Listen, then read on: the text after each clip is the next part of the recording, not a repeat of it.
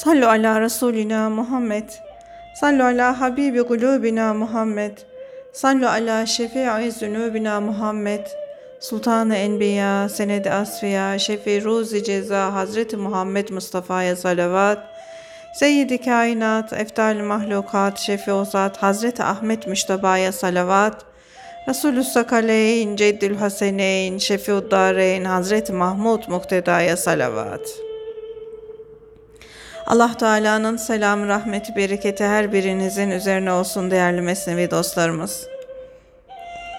Dördüncü cilt 640. sayfadan gözümüzde şaşılacak bir perde var da o yüzden hakikati göremiyoruz başlığıyla devam ediyoruz değerli dostlarım.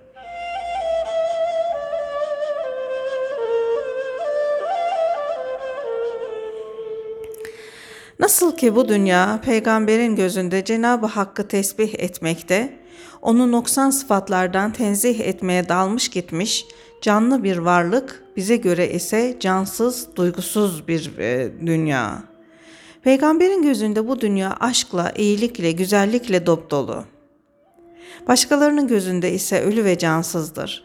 Göklerde, yeryüzü de onun gözünde Allah'ı tesbih ederek hızlı hızlı hareket halinde dönmede, o kerpiçten, taştan bile manalı sözler, nükteler duymaktadır. Duygusuz insanlara ise bu dünya tamamıyla dönmüş, ölmüş görünmekte, ben bu anlayışsız insanların gözlerindeki perdeden daha şaşılacak bir perde görmedim. Bütün mezarlar bizim gözümüzde bir. Fakat velilerin gözlerinde o mezarların her biri ya cennetten bir bahçe ya cehennemden bir çukurdur.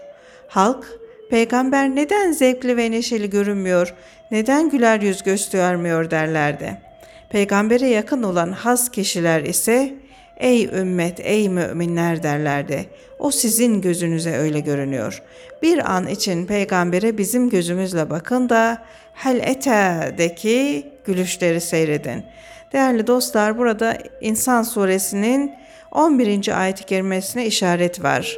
Allah büyünün şerrinden onları korumuş, yüzlerine bir güzellik, gönüllerine bir sevinç vermiştir. Ayetin manası değerli dostlar.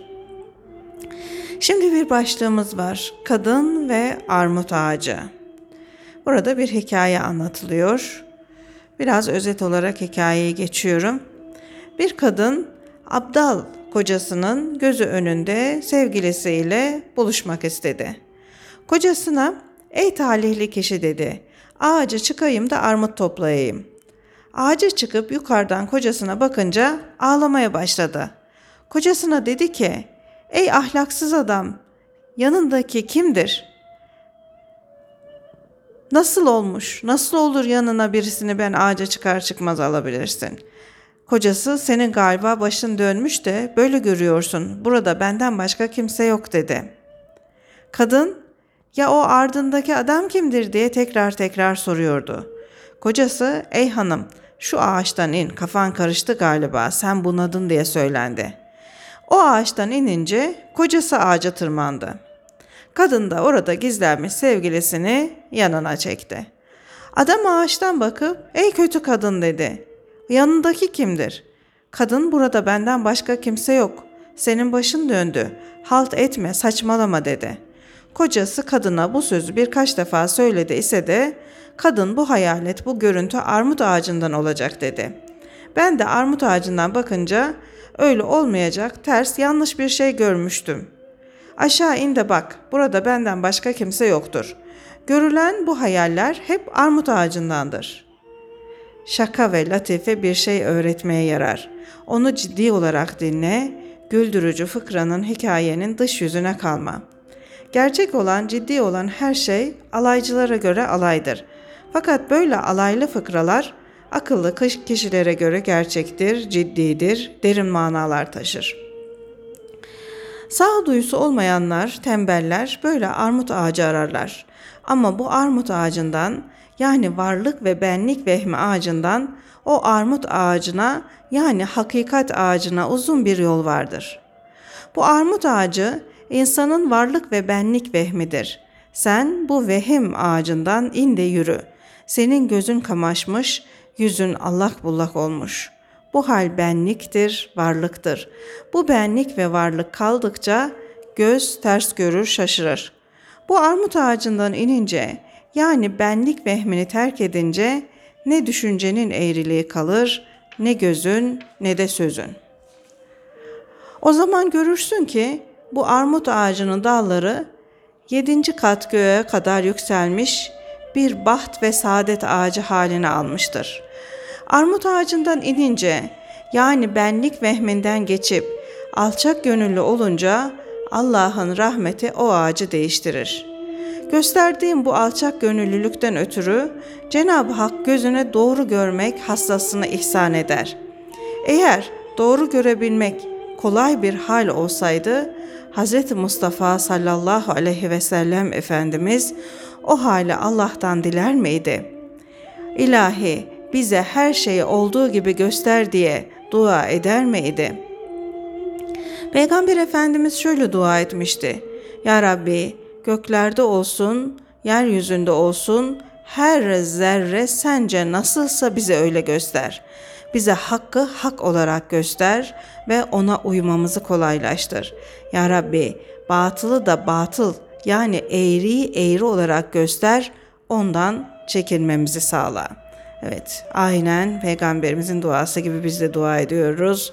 Rabbimiz inşallah bizlere de hakkı hak, batılı da batıl olarak gösterir. Bizi hep doğru yolunda daim kılar inşallah.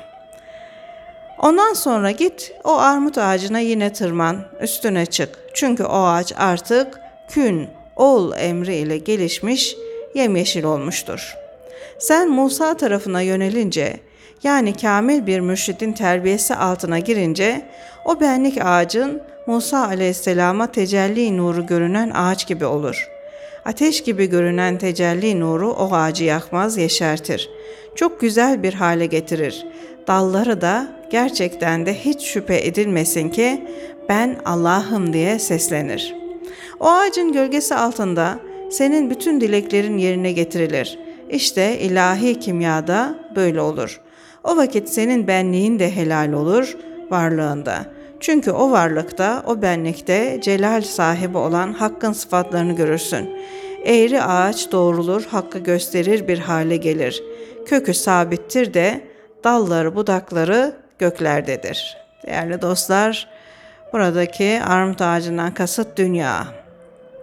Dünyada eğer Allah Teala'ya biz alçak gönüllülükle dua edip de onun doğruyu görme hassasını elde edememiş isek her şey bize yanlış, yalan görünür. Gördüğümüz şeyler aslında gerçek değildir. Ama Allah Teala bize feraset verirse, Allah'ın rahmetini verirse, hassa, doğru görme hassasını verirse o zaman o ağacın üzerinde bile olsak biz doğruyu görebiliriz diyor Mevlana Hazretleri değerli dostlar. Başlığımız halkın canı da yayılıp otlayan bir kuzu gibidir. Yayılıp otlayan kuzu gibi halkın canı da hem yer hem de kendisini yerler. Kuzu otlayıp yayıldıkça kasap yani cehennem o bizim için otlayıp semiriyor diye sevinir.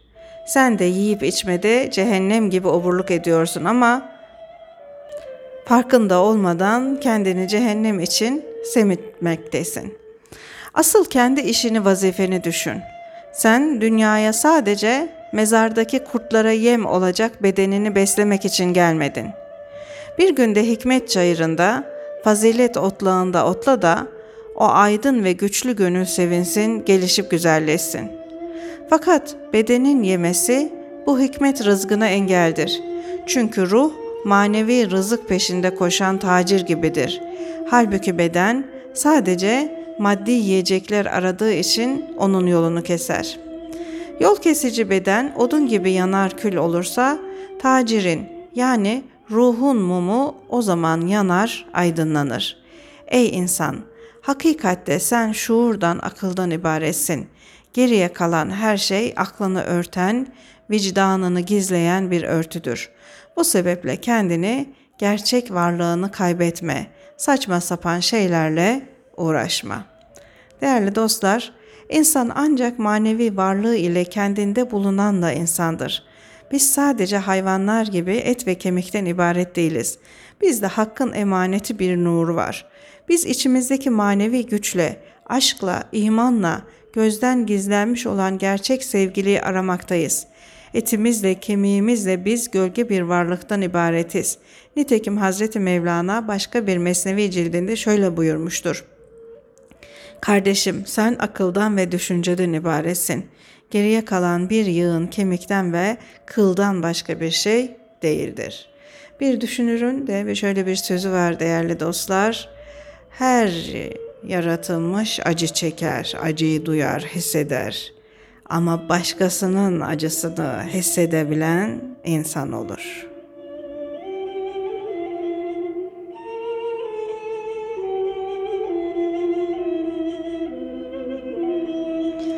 Evet, başkasının acısını hisseden insandır diyor değerli dostlar.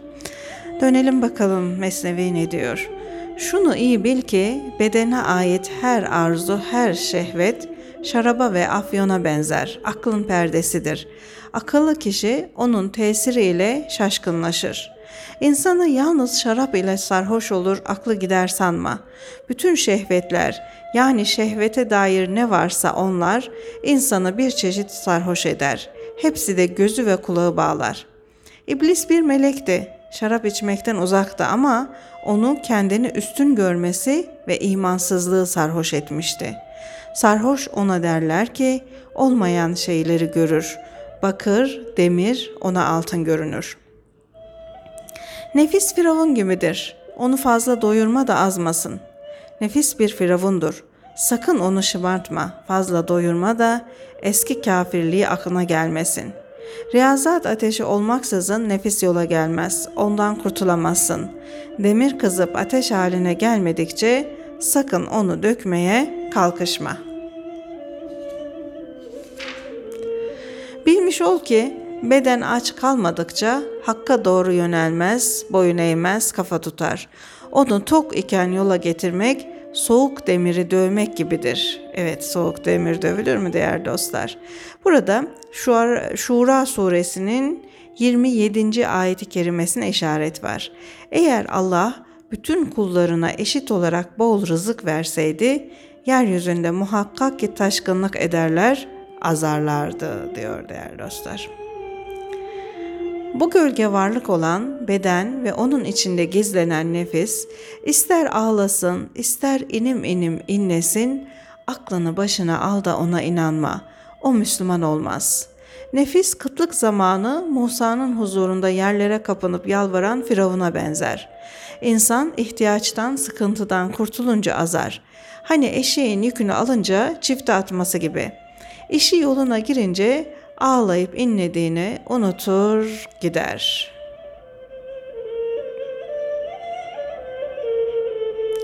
Bir mesel değerli dostlar. Yabancı bir şehre yerleşip kendi şehrini unutan adam. Bir adam yıllarca bir şehirde yaşasa, hatta orada doğsa, büyüse, bir zaman için uyusa, uykuya dalsa, rüyasında kendini iyi kötü şeylerle dolu bir şehirde görür de kendi şehre hatırına bile gelmez. Ben oradaydım. Yani asıl memleketimdeydim. Şimdi oturmakta olduğum o yeni şehir benim şehrim değil. Nasılsa buraya gelmiş, buraya bağlanmışım demez. Demesi şöyle dursun, o kendini daima bu yeni şehirden imiş, orada doğmuş, oraya alışmış sanır. Ne şaşılacak şeydir ki ruh da doğup yurt edindiği gayb alemini, o eski vatanını unutup bu fani dünyaya kapılıp kalmıştır. Çünkü bulutun yıldızları örttüğü gibi bu dünya hayatı ve bu dünyaya bağlılık onu rüya gibi kaplar, kavrar da o eski vatanını, o eski şehrini hatırına bile getirmez. Hele o bunca şehirler gezmiş, bunca yollar çiğnemiştir de daha tozları bile onun üstünden silkinmemiştir.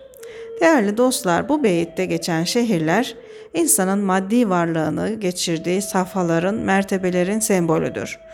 Ruhumuzun kafesi olan şu bedenimiz ana rahminde küçük bir insan yavrusu olmadan önce minerallerde, bitkilerde ve hayvanlarda seyrederek insan şekline girdi.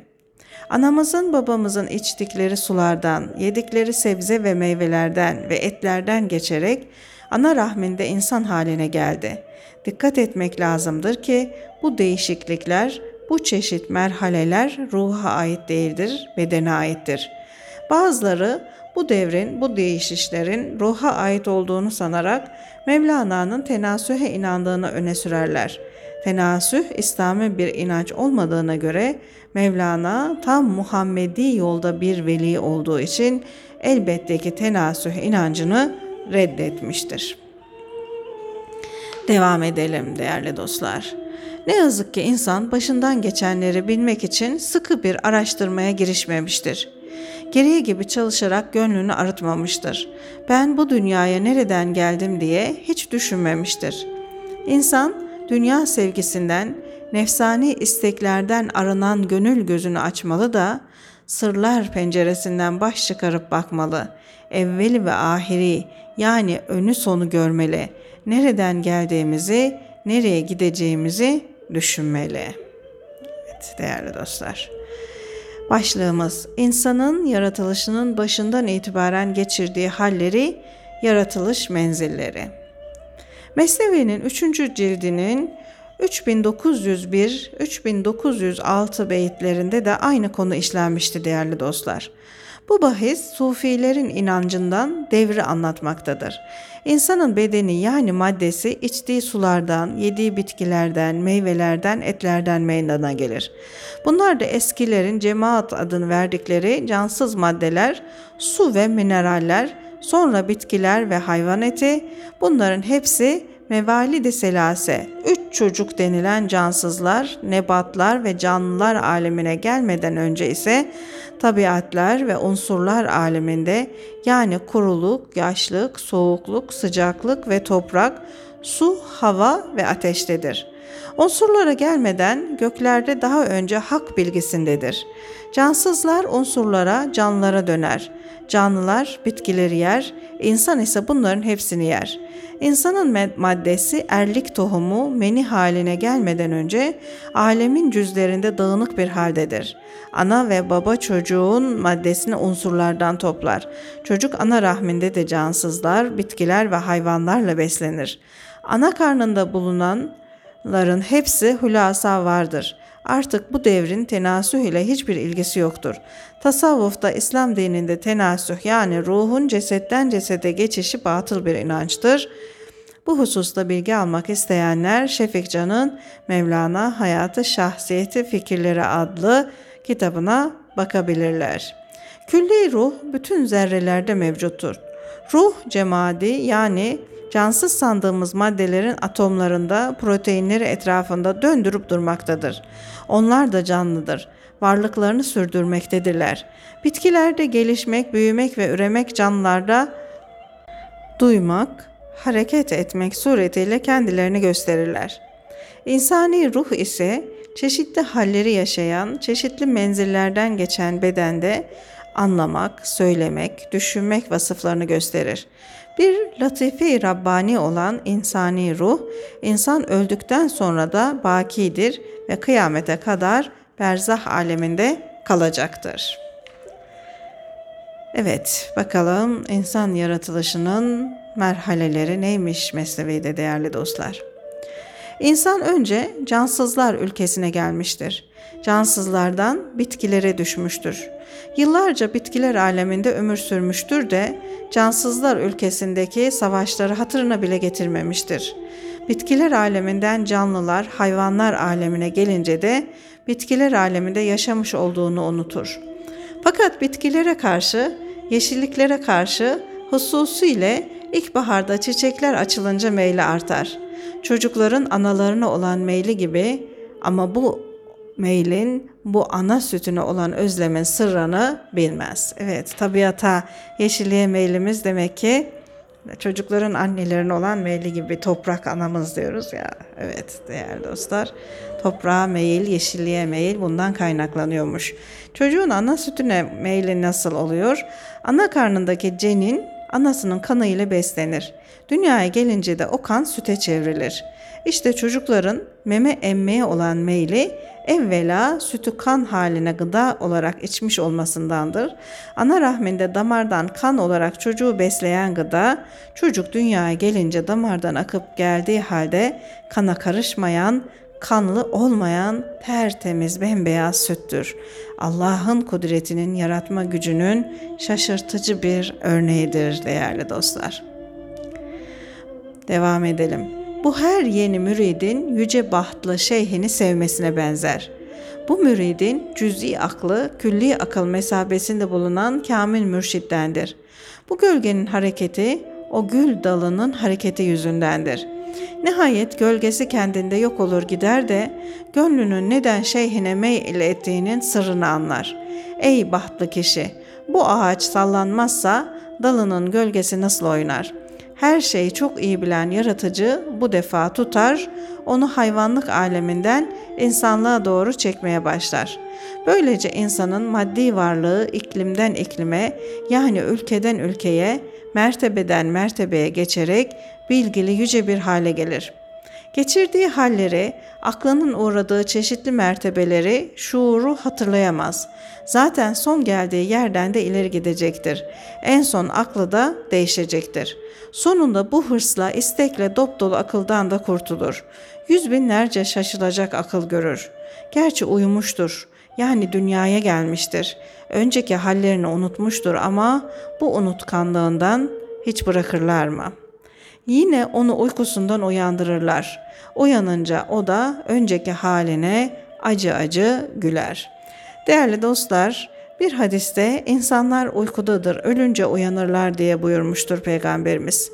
Bu dünyada bulunmak yani uyumak, iyi kötü bir takım hadiselere maruz kalmakta rüya görmektedir. Bu rüya alemi ömrün nihayetine kadar sürer. O nihayet gelip de ölüm vaki olunca rüyadan öteleri intikal edilmiş olur. Ötelere, hakikat alemine gidenler gerek evvelce kendilerinin gerekse başkalarının verdikleri nasihatlara karşı gülerler. Devam edelim. Rüyada gördüğüm o gam, o keder neydi? Nasıl oldu da doğru düzen halleri unuttum? Nasıl oldu da o gamın, o illetin bir rüyadan, bir aldanıştan, bir hayalden başka bir şey olmadığını bilemedim der. Dünyada böyledir. Uyuyan bir kişinin gördüğü bir rüyaya benzer. Rüya görenin gördüğü şeylerin devam edip gideceğini sandığı gibi dünyada gaflet uykusunda bulunanlar da dünyanın sürüp gideceğini sanırlar. Değerli dostlar, Hazreti Cabir'den rivayet edilmiştir ki ben bir gün Hazreti Peygamber'i ziyarete gitmiştim. Oraya beyazlar giyinmiş, beyaz yüzlü bir zat geldi. Peygamberimize selam verdi. Peygamberimiz de selamlarını aldılar. O gelen zat dünya nedir diye sordu. Hazreti Peygamber uyuyan bir kişinin rüya görmesi gibidir buyurdu. O zat bir insanın dünyada ne halde bulunur diye Peygamber Efendimiz'e sordu. Yükünü hazırlayıp kervanı bekleyen kişi gibidir buyurdu. O zat dünyada karar müddeti ne kadardır diye sordu.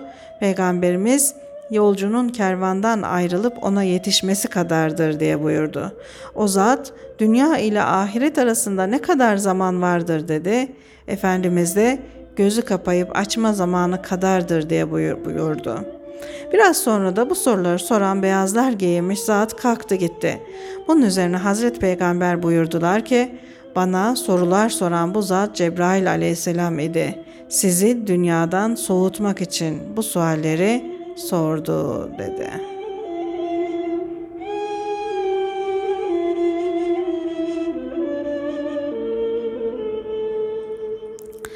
Sakın bu dünya rüyasında yaptığın işlerin kötü olmadığını, bunların yorumunun bulunmadığını sanma.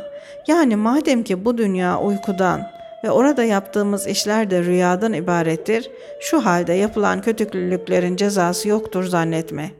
Ey esire zulmeden, Şu dünya rüyasında senin gülüşün uyanacağın mahşer gününde ağlama ve iç çekme halinde yorumlanacaktır. Rüyadaki ağlayışını dert ve gam ile inleyişini ise uyanınca sevinmekle yorumlarlar. Ey Yusufların derilerini parlayan, yani zavallılara zulmetmiş olan zalim, şu ağır uykudan kurt olarak kalkacaksın. O zaman kötü huyların birer kurt olur da kızgınlıkla sana saldırırlar, uzuvlarını parçalarlar. Değerli dostlar, bu burada da Zilzal suresinin şu mealdeki ayeti anlatılıyor. İşte kim zerre miktarınca bir hayır yapıyor idiyse onun sevabını, kim de zerre kadar şer yapıyor idiyse onun cezasını görecektir. Kısastan sonra ölürsün ama ölümünden sonra da o kan uyumaz. Artık ben öldüm, kurtuldum deme. Bu dünyanın kısası alemin nizamı için bir çaredir. Ahiretteki kısasa göre bir oyundur, bir oyuncaktır. Değerli dostlar, bir kimse haksız yere birini öldürürse ona kısas yapmak gerekir. Kısas gereği onu da öldürürler. Fakat katil idam edilmekle beraber ahiretteki cezasından kurtulmaz. Öldürülen kişi ahirette hakkını aradığı takdirde öyle bir azaba uğrar ki ona nispetle dünyada verilen ceza kısas oyuncak gibi görünür. Evet. Buna dikkat etmek lazım değerli dostlar. Bu yüzdendir ki Cenab-ı Hak dünyaya oyun dedi. Çünkü bu dünyadaki ceza ahiretteki cezaya göre bir oyundur.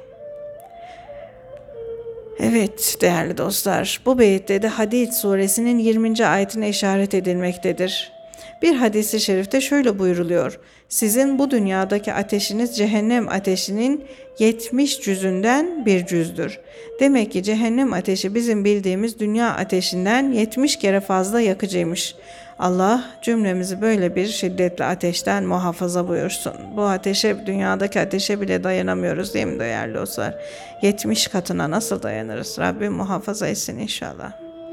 Başlığımız Cehennemlikler açtır. Ya Rabbi rızıklarımızı bollaştır diye Cenab-ı Hakk'a yalvarırlar, sızlanırlar.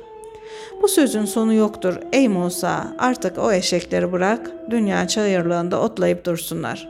Otlasınlar da o güzelim otlar onları semirtsin. Şunu da bil ki cehennemde bizim kızgın ve azgın kurtlarımız lokma beklerler.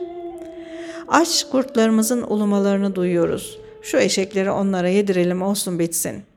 Dudaklarınızdan çıkan o hoş nefesinizin kimyası, o manalı, o güzel öğütlerimiz bu eşekleri adam etmek istedi. Sen çok çağırdın, nefes tükettin, lütuflarda bulundun, cömertlik ettin. Fakat bu eşeklerin talihleri yokmuş, adam olmak onlara kısmet değilmiş. Artık onların üstlerine nimet yorganını ört de onlar çabucak gaflet uykusuna dalsınlar dağılsınlar, uyusunlar da uykudan sıçrayıp kalkınca görsünler ki mum sönmüş. Yani istidadları kalmamış. Saki de yani hakikati onlara bildiren peygamber de çekip gitmiş. Onların azgınlığı sana hayret verdi. Şaşkınlığa düşürdü. Fakat onlar ceza günü azgınlıklarının hasret şarabını içeceklerdir. Bizim adaletimiz ortaya çıkınca her çirkin iş yapana, kötülükler edene layık olduğu cezayı verir. Apaçık görmedikleri padişah gizlice onlarla beraber yaşıyordu. Değerli dostlar, bu beyette de Hadid suresinin dördüncü ayeti kerimesine işaret ver. Nerede olursanız olun, o yani Allah sizinle beraberdir. Ruhu ve aklı nasıl gözlerimiz görmüyorsa, hakkı da her yerde hazır ve nazır olduğu halde göremiyoruz. O padişah gizlice hep onlarla beraber yaşıyordu diyor değerli dostlar. Bizde bulunan akıl ve ruh gibi onlar da bedenimizde bizimle beraberdirler ama gözlerimiz onları görmesine imkan yoktur. Ey insan sen onu göremezsin ama o sana senden daha yakındır. O senin hareketlerini, durumunu görmektedir. Evet, şimdi başlık. Allah, akıl ve insan. Ne şaşılacak şey ki o aklı yaratan da seninle beraberken sen de bu beraber oluşu kabul etmiyorsun. İnsan akıldan gaflet eder de Yani akıldan haberi olmadan kötülüklerin etrafında döner dolaşır ve bir kötülükte bulunur. Ondan sonra akıl onu kınar, ayıplar. Sen akıldan gafil habersiz olduğun halde akıl senden gafil değildir. Onun seni kınaması, ayıplaması aklın var olduğunu ve seninle beraber bulunduğunu göstermez mi? Akıl olmasaydı, senden haberi bulunmasaydı bu kınayışla seni hiç tokatlar mıydı? Evet, burada da yaptığımız kötü işleri kınayan, levmeden, nefsi levvame ile bizi kontrol altına tutan vicdanımızı Mevlana Hazretleri akıl yolu ile izah ediyor değerli dostlar. Senin nefsin de akıldan gaflet etmeseydi öyle bir delilikte bulunur muydu ve bu pis işlere girişir miydi? Evet, günahların peşine dolanlar, dolaşanlar, günahlara düşenler sonradan da kendilerini kınıyorlar. Bunu ben nasıl yaptım, nasıl aklımı kaybettim de yaptım diye kınıyorlar. İşte o kınayan akıl insana verilmiş. Şu halde sana göre aklın bir usturlaba benzer. Varlık güneşinin yakınlığını onunla bilir, anlarsın. Değerli dostlar, usturlap eskiden yıldızlara bakan ve onları inceleyen müneccimlerin kullandıkları bir alet imiş. Onunla yükseklik alırlar ve vakit tayin ederlermiş. Yani gökyüzündeki astroloji ilmi, yıldız ilmi değerli dostlar. Şimdi güzel bir beyit var burada. Şeb-i yeldahi müneccimle muvakketini bilir. Müftelayı gama sor ki geceler kaç saat. Evet. Yani uzun geceleri müneccim de bilemez, muvakkit de bilemez. Yani bir astrolog da bilemez. Zaman ölçerler de bilemez. Kim bilir müftelayı gama, gama müftela olmuş kimseye sor ki Geceler kaç saattir?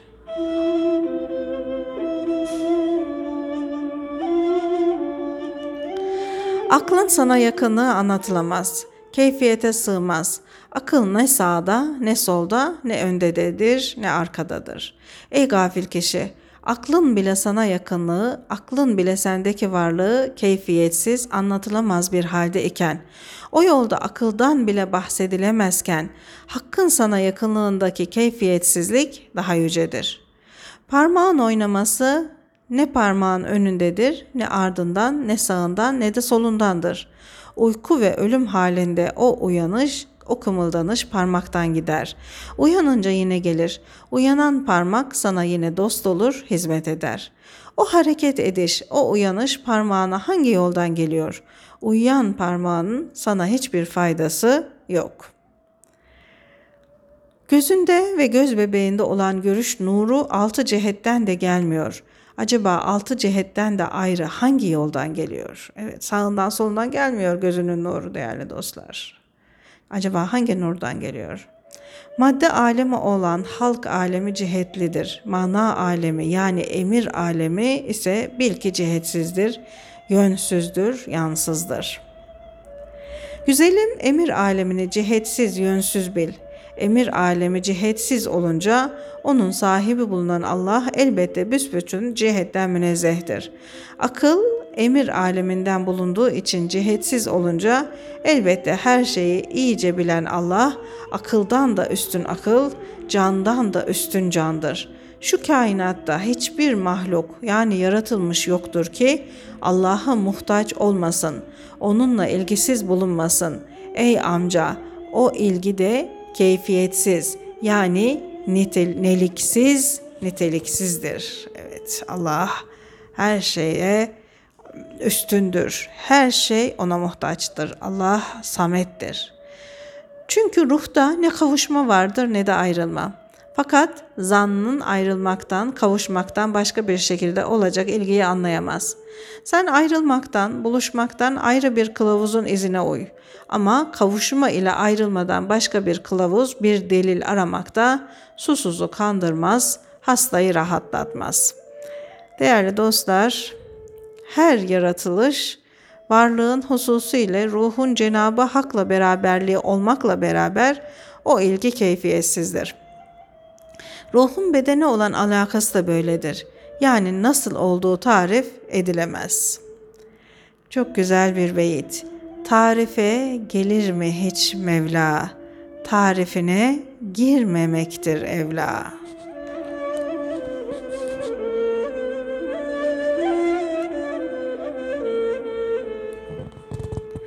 Zan ve tasavvur bunu takdir edemediği için ruh ya bedene dahil ve ona bitişik yahut hariç ve ayrıdır. Hatta birisi ona ne bitişiktir ne de ayrıdır. Belki o bağlılık keyfiyetsizdir dese anlamaz, hayrete düşer. Asıldan uzak isen onu manen bulamıyorsan yakınlığa doğru durmadan iz ara. Erlik damarın seni sonunda buluşma durağına götürür. Bu manevi ilgiyi, bu bağlılığı akıl nasıl anlayabilir ki? Çünkü o ayrılığa, buluşmaya bağlıdır. Bu sebepledir ki Hz. Mustafa sallallahu aleyhi ve sellem Efendimiz bize Allah'ın zatını pek aramayın, Allah'ın zatından pek bahsetmeyin diye vasiyette bulunmuştur. Esasen Allah'ın zatını düşünmek, gerçekte zata bakmak, zatı düşünmek değildir. Çünkü düşüncenin zanlı ve düşüncesi ancak yola bağlıdır. O zan ve düşünce ile Allah arasında yüz binlerce perde vardır.'' Değerli dostlar Peygamber Efendimiz Allah'ın nurdan ve karanlıktan 70 bin perdesi vardır. Eğer onlar açılacak olsa Allah'ın nuru ve bakışı kendisine ulaşanı yakardı buyuruyor. Evet değerli dostlar. Herkes bir perde ile örtülmüştür. Hakkın hakikatine ulaştığım yahut ulaştığım doğrudur diyen bir vehme kapılmıştır. Hz. Peygamber Efendimiz bu yüzden bu vehmi giderdi, yanlışa düşmemizi önledi. Vehimde edepsizlik bulunan kimseyi Rab baş aşağı eder. Ne demişti de şair değerli dostlar? Tarife gelir mi hiç Mevla? Tarifine gitmemektir evla. Allah Teala'yı tarife gitmemek evladır. Baş aşağı oluş, aşağılara doğru gidiştir. Halbuki böyle olan kişi kendini yükseliyorum sanır. Zaten sarhoşun yapabileceği de budur. Onu kör biri ayırt edemez ki.'' Allah'ın şaşılacak kudretini yaratma gücünü, yarattığı sayısız garip mahlukları düşünün de onun yüceliği karşısında kendinizi kaybedin. Onun sanatına karşı hayran olarak sakalını bıyığını kaybeden kişi kendi haddini bilir, sanat sahibine dair söz bile etmez. Bir kul candan ve gönülden Allah'ım ben seni gereği gibi şanına layık bir şekilde övemem demekten başka bir şeyi yapamaz. Çünkü ona dair söz sayıya da sırmaz, sınıra da.